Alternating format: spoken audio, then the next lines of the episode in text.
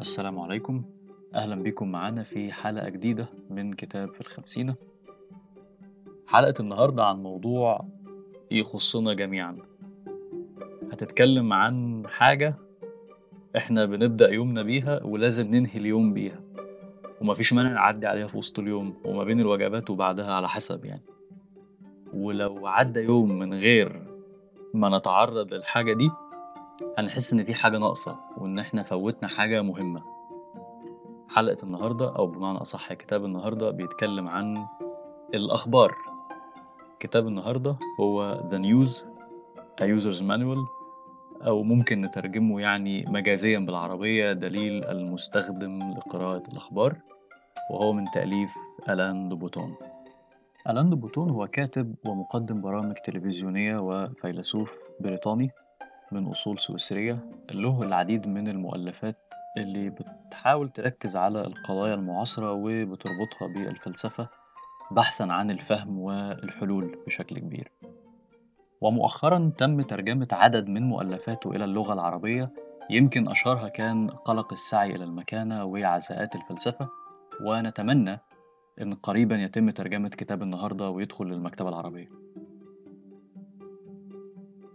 بيستهل ألان بوتون كتابه عن الأخبار بفكرة تأملية.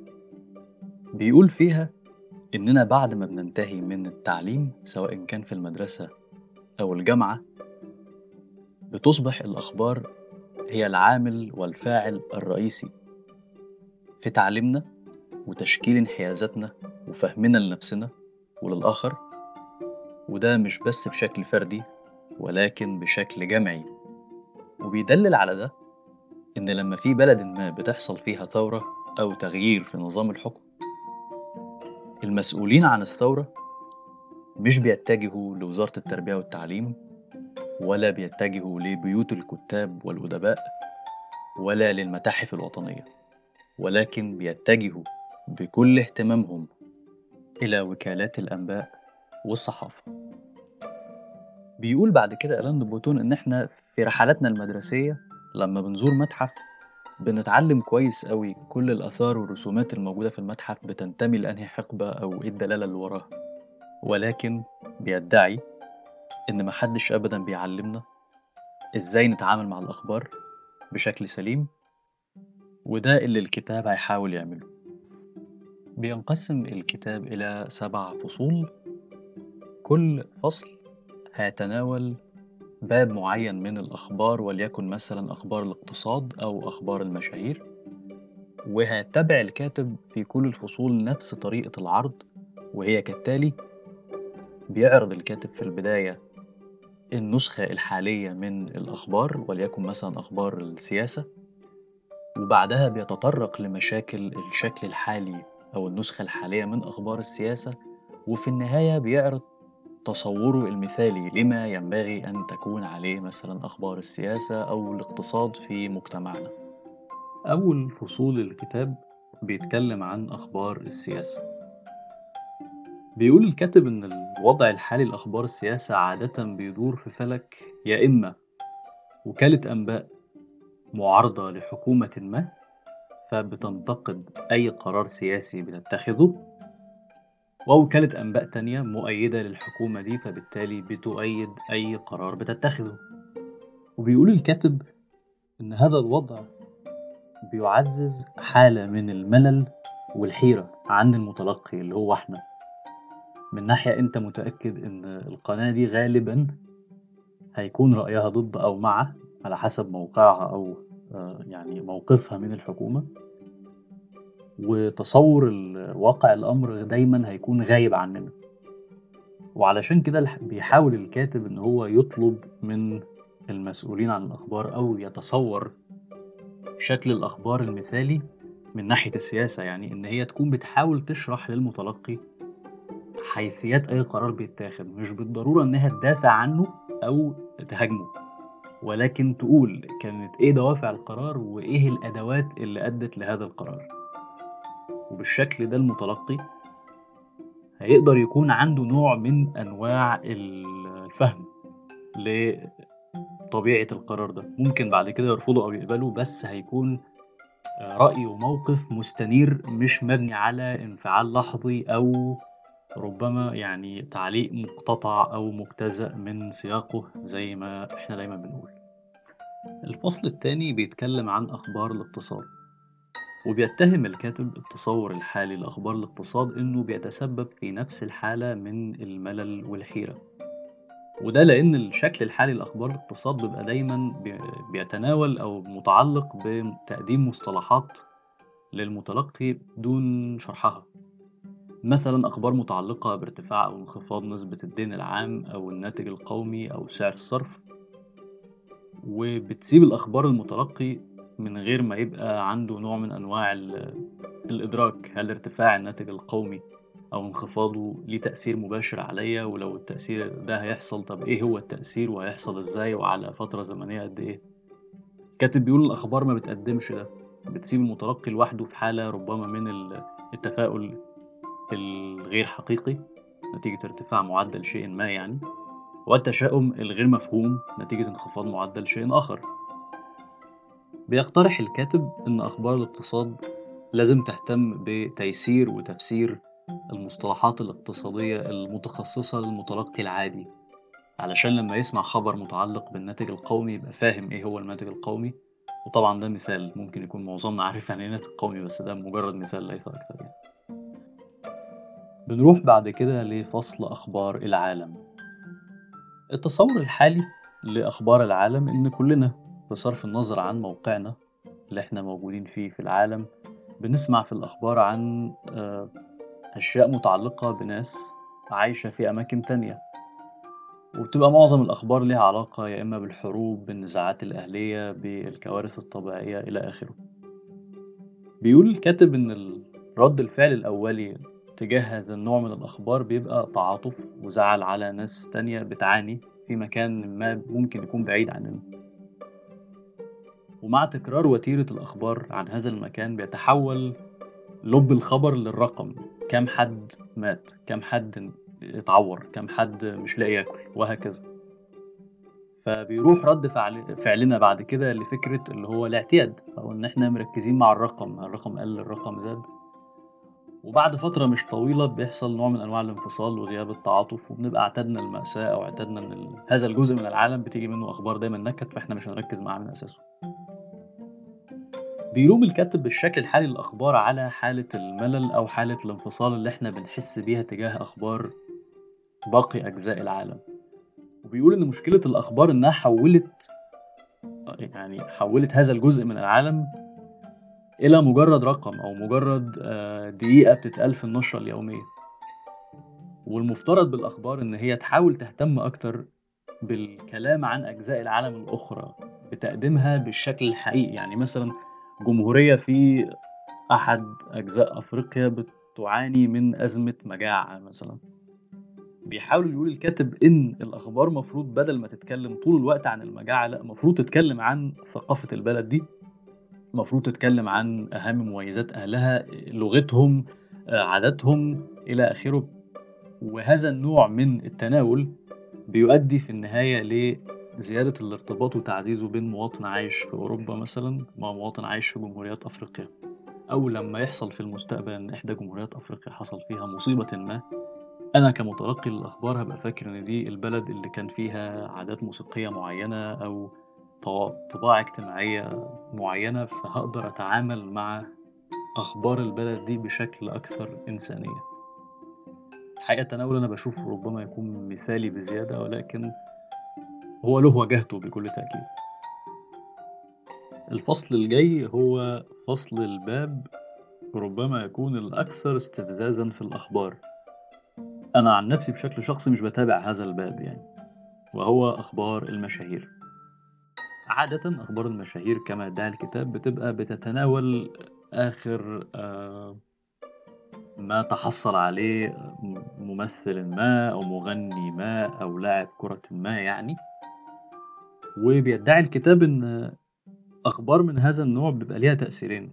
التأثير الأول هو طبعا في كتير مننا بيحس بغياب للعدالة وغياب التقدير وفي نفس الوقت الأخبار الخاصة بالمشاهير بشكلها الحالي بتعزز من ثقافة السعي وراء الشهرة أو إن إحنا نكون مشهورين وناس كتير تعرفنا وتعرف اللي إحنا بنعمله. بيحاول يقدم الكاتب نصيحة لأغلبنا إن إحنا المفروض دايما مهما كانت أخبار المشاهير مستفزة نحاول نسأل نفسنا سؤال إيه اللي أنا ممكن أتعلمه من هذا الشخص المشهور؟ مش بالضرورة أكون هتعلم منه حاجة عشان أبقى زيه. لربما يكون قدامي ممثل أو حد مشهور لأي سبب ما وحرفيا هو بي بيرتكب كل الأخطاء الممكنة في حق نفسه شكله موهبته كل حاجة أنت عاوز تقولها. فربما يكون الدرس اللي هو الشخص ده حرفيا بيضحي بكل حاجة عشان الفلوس مثلا فأنا هل أنا عايز أعمل ده ولا لأ؟ مثلا يعني. الحاجة التانية اللي الكاتب بيقولها إن ثقافة المشاهير علشان نفهمها هو شايف إن الرغبة في الشهرة والأضواء دايما بتكون متناسبة مع غياب للتقدير والشعور بالحب من الأوساط القريبة من الأشخاص اللي بتسعى للشهرة بمعنى إن لو في شاب أو شابة يعني بيسعوا للشهرة بكل شكل ممكن فهم بالأساس بيطاردوا إن هم يحسوا إن هم متقدرين من وسط اجتماعي ما لأن هم ما لقوش التقدير في الوسط القريب منهم. فبيحاول يقول لنا الكاتب إن إحنا لو يعني كل كل واحد أو كل دايرة قدرت نفسها وقدرت أفرادها بشكل منصف وبشكل عادل غالبا هيقل عدد الناس اللي بتسعى بشكل محموم ورا إنها تكون مشهورة أو متشافة بشكل ما أو بآخر في المجتمع الحالي. بعد كده بيجي أفضل فصول الكتاب من وجهة نظري. الفصل اللي كان فيه أفكار مختلفة شوية أو أفكار لفتت انتباهي بشكل كبير وهو الفصل الخاص بأخبار الكوارث والحوادث. بيستعرض الكاتب بعض المقتطفات من أخبار متعلقة بجرائم زي أب قتل عياله طبيب ارتكب جريمة مخلة بالشرف أو جريمة غريبة على التقاليد وأعراف المجتمع اللي هو منه وما إلى ذلك. بيقول الكاتب إن إحنا لما بنقرأ خبر زي ده في الجورنال أو في ال... أو نشوفه التلفزيون إن في أب قتل عياله بننبعض بش... بشدة من الفجيعة بهذا الشكل. وبنعدي بنجري منه بنهرب ما بنحبش نبص عليه. بيقارن الكاتب النوع ده من الأخبار بالتراجيديات سواء كانت الإغريقية أو تراجيديات شكسبير على سبيل المثال حاجة زي هاملت أو مكبث أو أو عطيل إلى آخره. بيقول الكاتب إن الفرق لما بنقرأ التراجيديات إن هي إن إحنا بنحط نفسنا مكان الشخصيات اللي جواها. بنحاول نفهم هل إحنا ممكن نبقى مكانهم في يوم من الأيام ولا لأ؟ هل في طباع مشتركة بيننا وبين الشخصية بتاعة المسرحية دي ولا لأ؟ المقصود فكرة السقوط والصعود إزاي شخص عادي في العمل الأدبي بدأ بداية ما وانتهى بيه الحال في الحضيض أو بارتكاب جريمة بشعة السياق ده من سرد الأحداث بيبقى فيه نوع من أنواع العبرة بحسب ادعاء الكاتب ونوع من أنواع التخيل وتفهم الأسباب والتفكير إن أنا إزاي ما أقعش في نفس المأزق الأخلاقي اللي وقع فيه بطل المسرحية أو القصة. طبعا هيتبادر لبعض الناس اللي ممكن تبقى سامعة الكلام ده. سؤال يعني هو أنا لازم عشان أفهم لازم أقرأ شكسبير؟ أنا مثلا مش عاوز أقرأ شكسبير. هل لازم اقراه هل لازم أقرأ تراجيديات إغريقية مثلا؟ مش بالضرورة طبعا. هو المثال بتاع التراجيديات بأنواعها كان المقصود بفكرة السيرة. فكرة إن أنت تتتبع حياة شخص ما سواء كان الشخص ده مختلق خيالي أو شخص حقيقي. وتقدر تعرف إيه هي العوامل اللي دفعته إن هو ينتقل من مكان لمكان سيء أنت ما تحبش تكون موجود فيه. وبيختم الكاتب فصل الحوادث باستعارة وتشبيه. لأخبار الكوارث الطبيعية أو الزلازل والبراكين وما إلى ذلك يعني بيحاول يشبهها بالجمجمة اللي كانت بتظهر في رسومات بعض الفنانين في حقبة ما. كانوا بيحاولوا دايما يرسموا بيوت شكلها حلو غرف منعمة جدا ولكن دايما بتلاقي على طبق أو على ترابيزة في الغرفة دي جمجمة. وكان هذا النوع من الرسم هدفه يعني دفع المتلقي لإدراك إن الحياة مهما وصل بيها الطرف والنجاح والتحقق منتهية فبيقول لنا ألاندو بوتون إن إحنا ممكن نتعامل ونعزي أنفسنا لما نسمع أخبار الكوارث والأخبار المروعة إن ربما تكون دي هي الجمجمة الموجودة في اللوحة في عصرنا الحالي واللي دايما بتفكرنا إن الحياة مهما كانت قاسية أو مهما كانت منعمة فهي منتهية. ومن خلال التناول ده ممكن نجد بعض العزاء لأنفسنا لما نسمع بأخبار الكوارث الطبيعية. خصص الكاتب جزء من كتابه لأخبار الصحة. وفي تناول ملفت ادعى الكاتب إن الأخبار الصحية الحالية شبه بتقنع الناس إن الطب والعلم في سبيله إنه يلاقي دواء لكل مرض حتى الموت. بيقول الكاتب إن الأخبار حاليا بتتعامل بشكل أقرب إلى الصراخ. هو استعمل الكلمة دي تحديدا. تجاه كل أسباب الموت الطبيعية ومش بتتعامل بنفس الحدة والغضب تجاه أسباب الموت اللي ممكن أتلافاها. يعني لما بنسمع إن ناس ماتت من مجاعة أو ناس بتموت في الكوليرا بالكوليرا في سنة 2019 مثلا ولا 2020 وما إلى ذلك. دي أسباب نقدر نمنعها ولكن في أسباب مش بالضرورة هنمنعها. يعني الناس اللي بتموت من السرطان لو العلم اتأخر عليهم في العلاج أكيد بنشعر بالأسف إن هم ماتوا ولكن في النهاية كلنا هنموت. ومن هنا بيقترح الكاتب على القائمين على أخبار الصحة إنهم زي ما بيتكلموا عن فوائد زيت الزيتون وعن منافع تناول بعض الفواكه المعينة. ممكن برضو يهتموا بتقديم الدعم الروحي والعزاء للناس تجاه حقيقة الموت. الدور اللي الكاتب بيقول إن الدين كان بيقدمه وبيدعي إن الأخبار ممكن تقدم نفس الدور. الفصل الأخير تناول أخبار الثقافة والفن. بيقول الكاتب إن المسؤولين عن أخبار الثقافة والفن حاليا همهم الرئيسي هو تتبع قوائم الأكثر مبيعا أو آه، الكتب الأكثر نجاحا وما إلى ذلك. بيشوف الكاتب إن الأخبار الخاصة بالفن لابد تكون معنية بالمقام الأول بقيمة الفن. بيشبهها الكاتب بدور الصيدلاني أو الطبيب اللي المفروض منه يوصف الفن الصحيح للمتلقي اللي محتاجه. فبدل ما تبقى الكتب بيتم التعامل معاها مين باع أكتر ومين اتفق عليه النقاد إن هو الأحسن ممكن أتعامل معاه إن هذا الكتاب مناسب للناس اللي بتشعر بالوحدة؟ هذا الكتاب بيساعد الناس اللي بتتعلم على سن كبير؟ والأمثلة طبعا يعني لا حصر لها. وهنا بينتهي محتوى الكتاب وبيختم الكاتب كلامه باستعارة لطيفة جدا. بيقول فيها إن الأخبار اليومية شبه طرقة المستشفى بتاعة الطوارئ. قسم الحوادث مثلا. كل يوم بيجي مرضى وضحايا لحوادث طرق و و وما إلى ذلك بيتم التعامل معاهم وعلاجهم. وفي آخر كل يوم بتبقى طرقة الحوادث في المستشفى مليئة بالمخلفات وبالدم ولكن بيجي عمال النظافة بعدها وبينظفوا قسم الحوادث. بيصبح قسم الحوادث كأن شيئا لم يكن وجاهز لاستقبال يوم جديد بمرضى وضحايا جدد. لكن في الواقع لما بنربط الاستعارة دي بالأخبار فطرقة الحوادث المليئة بالمخلفات والدم هي عقولنا هي نفسنا هي مشاعرنا. وفي هذا الموقف بيكون المسؤول الوحيد عن نظافة الطرقة الافتراضية دي هي إحنا. مفيش حد هيجي ينظفها غيرنا لأن محدش أساسا شايف التأثير اللي حصل.